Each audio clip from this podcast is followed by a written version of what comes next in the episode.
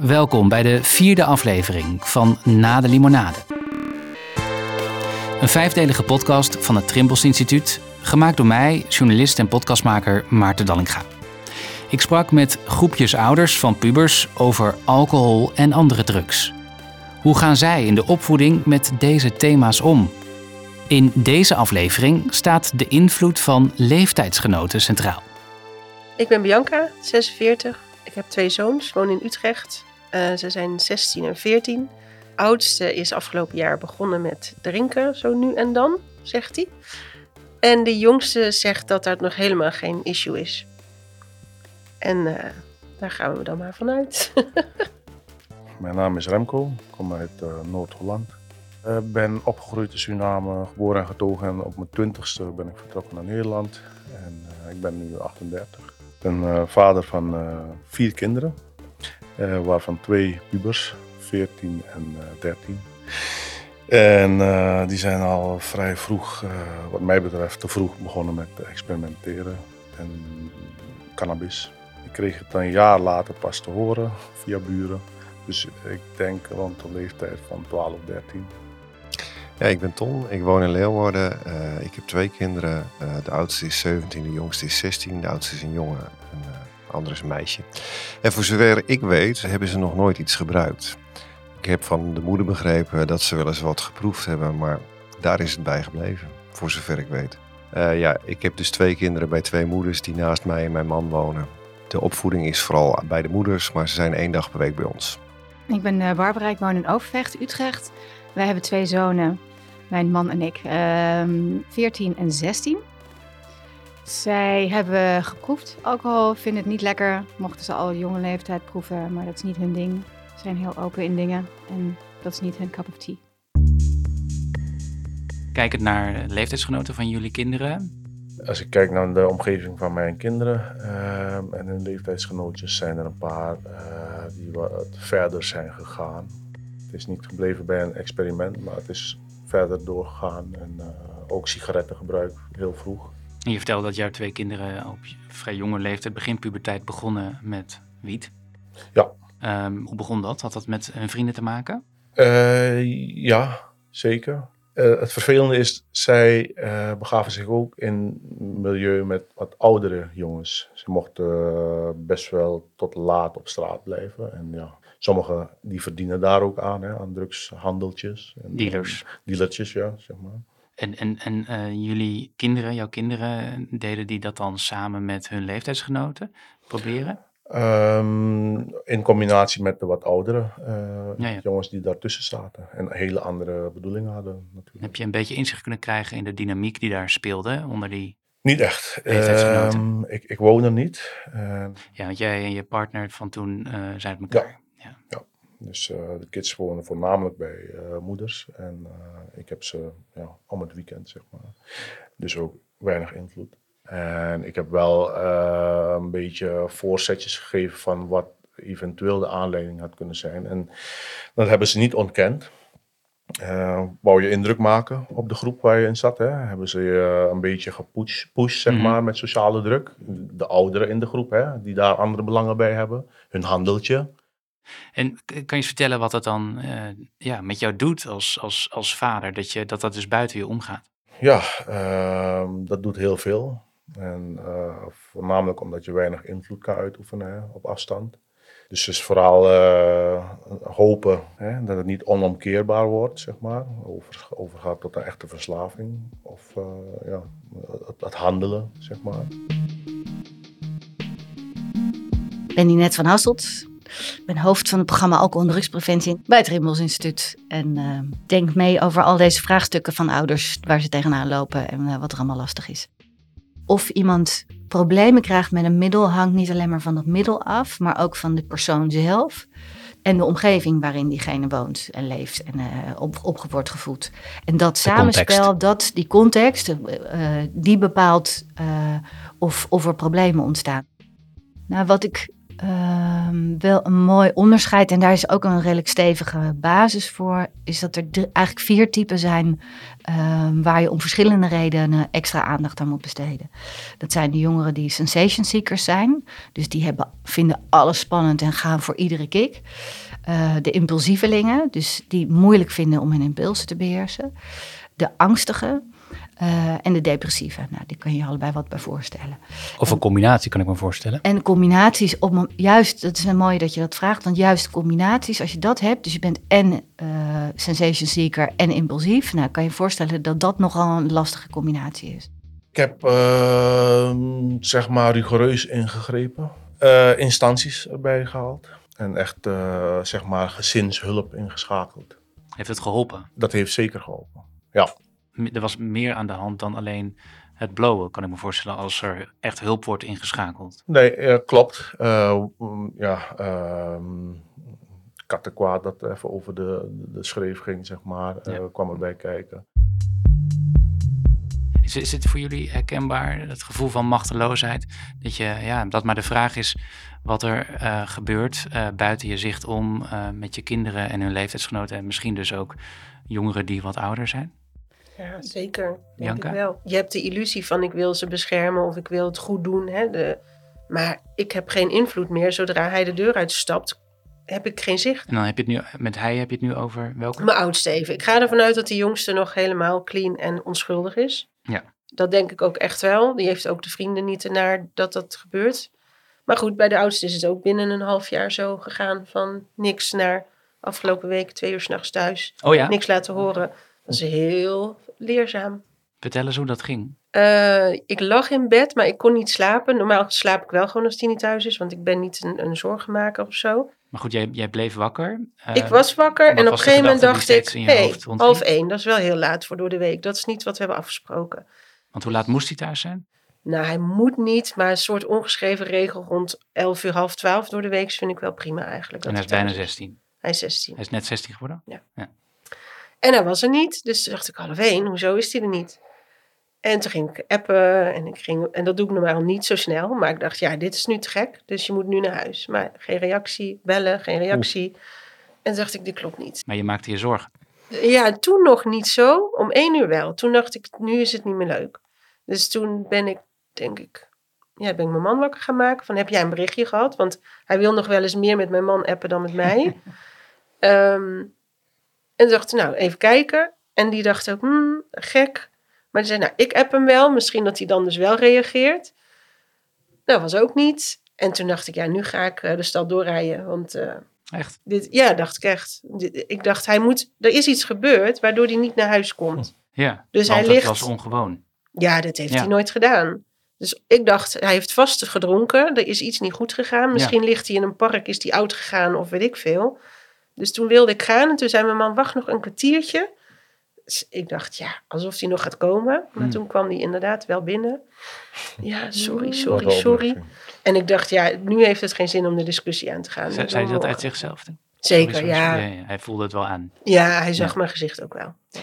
Hoe zag je het gezicht eruit? Uh, not amused, nee. dus, uh, en had hij gedronken? Zeker, ja, ja veel te veel dan ga ik meer vanuit mijn eigen ervaring. Gewoon dat eerlijkheid en dat het je ook raakt, dat je teleurgesteld bent. Um, dat vindt een kind vaak, vaak erg. Uh, heel boos worden is vaak gewoon niet de oplossing. En uitleggen waarom je echt iets vervelend vindt, um, dat, dat komt het meeste aan. Het, het, lastigste is dat je gewoon geneigd bent om in, het, in de situatie zelf uh, de emoties te laten uh, de gang zeg maar, los te laten. En dat is over het algemeen niet de manier. Op het moment dat kinderen thuiskomen en dronken zijn, dat ouders dan uh, in woede ontsteken, ja, weet je, totaal zinloos. Hmm. Dus uh, zorgen dat ze weer een beetje uitgeslapen zijn en dan de volgende dag even met een kop koffie het gesprek gaan voeren. Ja, dat is wel handiger. En we hebben het over leeftijdsgenoten. Gedraagt hij zich ook zo onder invloed van, van, van, die, van zijn leeftijdsgenoten, van zijn ja. vrienden? Ja? Ja, absoluut. Maar wat merk je daarvan? Nou, hij is heel erg aan het zoeken naar wie die is. En naar zijn rol Identiteit. in de wereld. Ja. Mhm. En wat verwacht de wereld van mij? En hoe gedragen anderen zich? Daar is hij heel erg mee bezig. Hij is heel erg met de psychologie van de mens bezig. En hij snapt niet dat mensen zich zo anders gaan gedragen in de puberteit. Ja, ja. En dat maakte hem onzeker. Over zichzelf en over zijn Ja, en ontwikkeling. over van, moet ik dan ook veranderen of Hmm. niet? Het ene wat ik nu heb gevraagd wel is dat ik vijf nummers op zijn bureau wil hebben van mensen waar hij vaak mee is. Dat als dit Hmm. weer gebeurt, dat ik in ieder geval iemand kan bereiken van, is die bij jou? En heeft hij dat al klaargelegd? Hmm, dit weekend. Hele goede vind ik dat. Hele goeie? Ja. Ja. Is niet verkeerd gedacht. Ik had er nog niet aan gedacht, eerlijk gezegd. Ja, Maar, eh, wij hebben helemaal geen contact meer met, met wie hij omgaat. En Ja. dat vind ik ook prima, dat mag. ja. Maar nu was het echt dat ik dacht, ja, wat is dit? Het vertrouwen is weer terug? Eh, dat gaat weer terugkomen, ja, zeker. We, hebben, we zijn van overtuigd dat als je een goede basis geeft, en het vertrouwen eigenlijk ook eh, wat jij hebt, Bianca, dat dat, dat het allerbelangrijkste is. Nou ja, we zijn heel open over dingen. Dus we hebben ook gezegd eh, dat als jullie drugs willen gebruiken, we hebben beide ook vroeger drugs gebruikt, super veel van geleerd, super nice. Eh, op het moment dat de basis goed is en je doet het niet als een aan invulling, maar een aanvulling, dan kan het alleen maar een meerwaarde zijn. Dus dat soort gesprekken hebben we al van jongs af aan gehad Vanaf welke leeftijd dan? Ja, acht, negen, Hm. zoiets. We hebben ook gezegd, als jullie drugs willen experimenteren, doe het de eerste keer lekker bij ons thuis. Dan eh, zijn we erbij, dan is het een veilige omgeving. Dat is oké, weet je. Kinderen hebben van zichzelf een soort eh, drempel die ze ervaren bij iets nieuws proberen. En het handigste is om dat gewoon ook te laten bestaan. En ook, eh, het, een- soms is dat ook wat overdreven, dat ze het eng vinden, maar laat het ook maar een beetje bestaan. En op het moment dat je dat soort drempels weghelpt nemen. Veel, ik heb ook wel ouders gesproken die zeiden van ja, ik heb dan liever dat ze leren blowen in mij, met mij samen. Eh, wa- wat misschien best wel een leuk idee is, dat, dat die eerste keer daardoor minder eng is. Ehm, maar er is dan wel een eerste de keer. drempel is weg. Dus eh, over het algemeen is dat niet heel handig. Ja, van drugs kan natuurlijk ook verslaving eh, ontstaan. Hè? Eh, Ja, maar ik, ik denk dus, dat, dat denken wij, en dat is natuurlijk wat wij, wij voelen. Ehm, juist als je in ieder geval in een open sfeer kan brengen, dan ehm weten ze wel dat ze gewoon bij ons terecht kunnen. En dat ze niet boos zullen worden. We zullen eerder, ja, eerlijkheid eh, belonen we. Eerder Je zei, maar je zei, Ja. eh, drugsgebruik dat wij hebben ervaren was, je zei zelf, super nice. Ja, dat heb je ook zo tegen je kinderen gezegd? zeker. Ja. Zeker. Maar waarom, wel- waarom doe je dat? Want je zou het ook Mhm. neutraler kunnen brengen. Waarom? Het is toch zo? Ik bedoel, dat is onze ervaring dat we dat gewoon fijn hebben gevonden Maar vroeger. daar zie je geen risico's in. Nee, helemaal niet. Nee? Nee. Vind je dat niet naïef? Of zeggen mensen dat wel eens? Is dat niet een suggestieve vraag? Dat is een hele. Nee, ja, het, is, het is een richtinggevende vraag. Ja. Ja, je- ja, ja. Alle vrijheid om nee te zeggen. Ja, Maar dit zullen heel veel luisteraars zich afvragen, denk ik. Ik denk dat het juist tegenovergestelde is van naïef. Juist omdat we dingen hebben meegemaakt en juist hebben gezien van als je restrictief bezig bent eh, en het mag niet in de openheid, er mag niet over gesproken worden, dat eerder de neiging zal zijn om het wel te doen. Ja. Maar, de vraag is dan ook een beetje: moet je voordat kinderen 18 zijn positieve dingen zeggen over drugs? Exact. Realistisch. eh, Positief in. Kijk, het is niet, het is niet zo van nou, we, gaan nu voor zitten Maar ja, po- en positieve ervaringen delen, zoals jij hebt gedaan. als het ter sprake komt, dan, dan, dan is, komt het ter sprake en dan zeg ik het erover. Maar het is niet zo dat ik het ga promoten. Helemaal niet. Ja, alleen je Ja. komt er niet onderuit. Omdat, kijk, ik denk, je mag als volwassene, daar kunnen best ook positieve effecten aan zitten. Alleen Mhm. ook daarbij zeg je, dat zit aan een bepaalde, tot een bepaalde leeftijd moet je dat niet willen. Exact. Ja. Eh, en daarnaast, die, die context waar ze in terechtkomen, zeker als ze jonger zijn, die overzien ze helemaal niet. En, en die ene dag per week dat jij je kinderen ziet, Tom, Ja, eh, heb, heb je geregeld dit soort gesprekken ook? ja ook wel. Ja. Over identiteitsvorming, onzekerheid die je kan hebben als puber en ja, welke risico's aan kunnen kleven of welke verleidingen er kunnen zijn? Ja, ik heb niet per se over risico's en verleidingen, maar gewoon inderdaad over welke fase zit je, wat kom je tegen. En ja, dus ook over alcohol en drugs. Ze weten ook dat ik gebloot heb en hoe dat gegaan is. Ik kon op een gegeven moment dingen zien die er niet waren. Ik wist nog wel dat ze er niet waren, maar ik zag ze wel. En dat was van een blootje. Dus ik dacht op een gegeven moment ook, nou, dit is wel heel heftig. En ik kon ook flippen. Wij hebben, of ik heb regelmatig, eh, ik noem het dan functioneringsgesprekken met de kinderen. Dus nog voordat er een incident is. Maar gewoon van, hey, hoe doen we het als ouders en hoe sta je in het leven? Gewoon eigenlijk alles de revue laten passeren voordat het escaleert. En dan krijgen ze ook zakgeldverhoging. dat zit soms in. Als ze het goed doen. Maar leuk, wij doen dat ook. Ja. Oh, wat Ja, goed. Cool. ja, Ja, en dat hoe gewoon gaat zo'n gesprek? heel informeel. Dat kan gewoon eh, al rijdend naar, eh, weet ik veel, als we naar het zwembad gaan of ergens in een, eh, in een relaxte sfeer. Ja, het gaat er vooral om hoe sta je in het leven over de identiteit. En waar, wat kom je tegen? Wat is, er, wat is er nu gaande? Wat vind je lastig? Eh, maar ook wat gaat er goed? En eh, als ouders kunnen wij iets misschien beter doen? Of Nou, eigenlijk doe jij dat ook, hè, Bianca? Misschien noem je het niet zo, maar dat soort gesprekken voeren. Ja, zeker. Ja, ik denk ook dat dat gewoon het belangrijkste is. Dat je echt laat zien dat het open is. En dat je Mm. echt over alles kan spreken. En ehm, we willen dat allemaal. En we zeggen allemaal het is onvoorwaardelijk. Maar op het moment dat hij dan dronken thuis komt en ik ga hem afstraffen, dan is het niet meer De onvoorwaardelijk. liefde bedoel je. Ja, Mm. ja, die is heel snel verbroken. Zeker bij pubers. Mm. Die zijn zo bang dat we ze afwijzen, dat we het vertrouwen. afkeuren. Mhm. Dat zei hij dus van de week wel, na dit incident. zei Mhm. hij, Dat hij er zo laat ik thuis ben komt. zo bang dat ik jullie teleurstel. Ja. Nou, dat vond ik heel erg. Ik zeg, dat kan je nooit. Wat je ook gaat doen in je Mm. hele leven, je kan me niet teleurstellen. Maar dat is ook een hele fijne bevestiging, lijkt me eigenlijk, dat hij dat zegt. Ja, heel fijn. Maar hij, dat is dus omdat we dit soort gesprekken veel hebben. Hij weet dat hij alles kan zeggen. We hadden een heel interessant gesprek over eh, wat te doen als je zoon net 16 is geworden, de zoon van Bianca. En die wil een feest geven bij haar thuis, bij hem thuis. Ze vertelde, ik twijfel wat ik moet doen. Hij geeft binnenkort een feestje. Voor Ja. zijn zestiende nog. Ja, en Ja. dan denk ik, oké, wat gaan we doen? Eigenlijk wil ik het niet faciliteren. Nee. Maar je weet dat er rugzakken met drankflessen binnenkomen. Moet ik dat gaan controleren als een politieagent? Daar heb ik eigenlijk niet zoveel zin in. Maar ik ben wel verantwoordelijk voor die andere kinderen die ook komen. Die Ja. het meenemen. Waarvan de ouders waarschijnlijk denken, dat doet mijn dochter niet. Je hebt geen contact met de ouders van tevoren. Nee, ik heb geen idee. Wie dat zijn. Nee, Geen nummers, Komt namen. van school ergens, nee. Zou je kunnen Of achterhalen Snapchat er wellicht dan ook, hè? Oh, die is ook in de Ja, buurt. ja, ja. Moet je dan die tassen controleren of Ik niet? zou nooit tassen gaan controleren. Nee, want Waarom dan zet je, ga je zo in een soort argwaan eh, situatie. Maar dat je er rondloopt, eh, dan maak je, maakt ook dat je, dat je toch ook een beetje in de gaten kan houden wat er gebeurt en of het uit de hand loopt. Ja. Je hoeft er niet de hele tijd bij zijn. Maar op het moment dat je een paar keer langskomt eh en zegt van ik wil ook gewoon rustig even in de koelkast inderdaad iets kunnen halen en een kopje thee kunnen zetten. en ik ga echt niet de hele tijd daar zijn dan heb je wel ruimte om gewoon even de sfeer te proeven en te kijken hoe, hoe staan kinderen erbij. Dus dat maakt wel heel veel uit. Dus dat Ja. zou ik altijd doen. Maar op het moment dat je tassen gaat controleren, ja, weet je, dan ga je in een soort politieagent en een wantrouwen eh, waar je niet in terecht wil komen.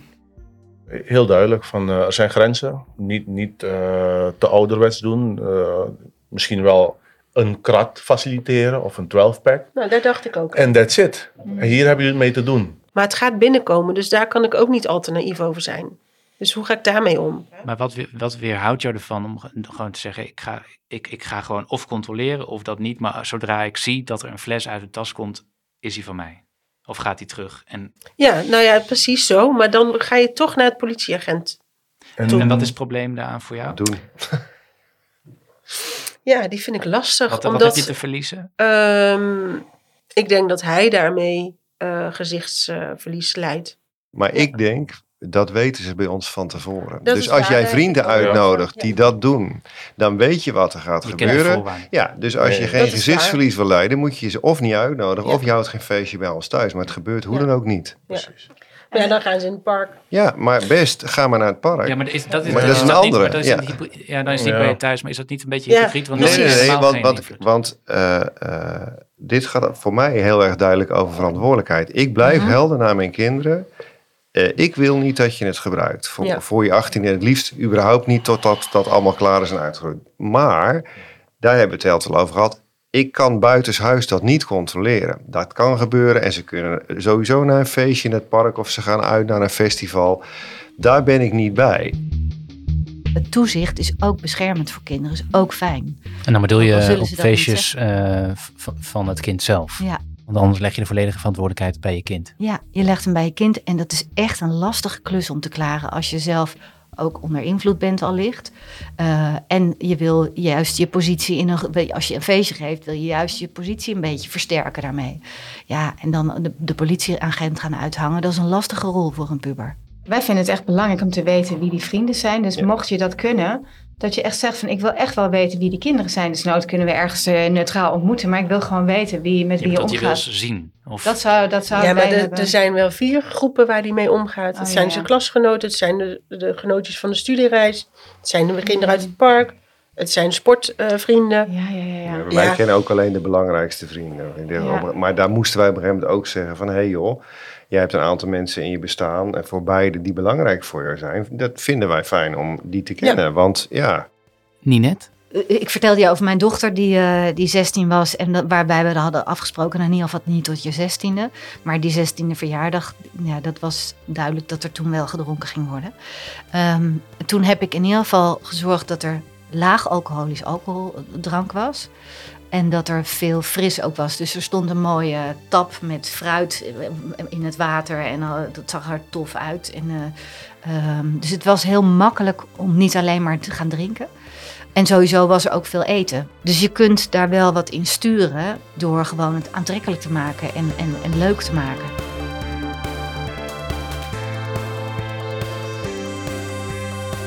Je luisterde naar de vierde aflevering van Na de Limonade. Een podcast gemaakt door mij, Maarten Dallinga, voor het Trimbos Instituut. Esmee Koeleman assisteerde bij de montage. Voor achtergrondinformatie kijk op helderopvoeden.nl. Mailen kan naar helderopvoeden.trimbos.nl. Als je vindt dat meer ouders deze podcast zouden moeten horen, praat er dan met anderen over. Of laat een recensie achter bij Apple Podcasts of Spotify. Alvast veel dank en graag tot de volgende.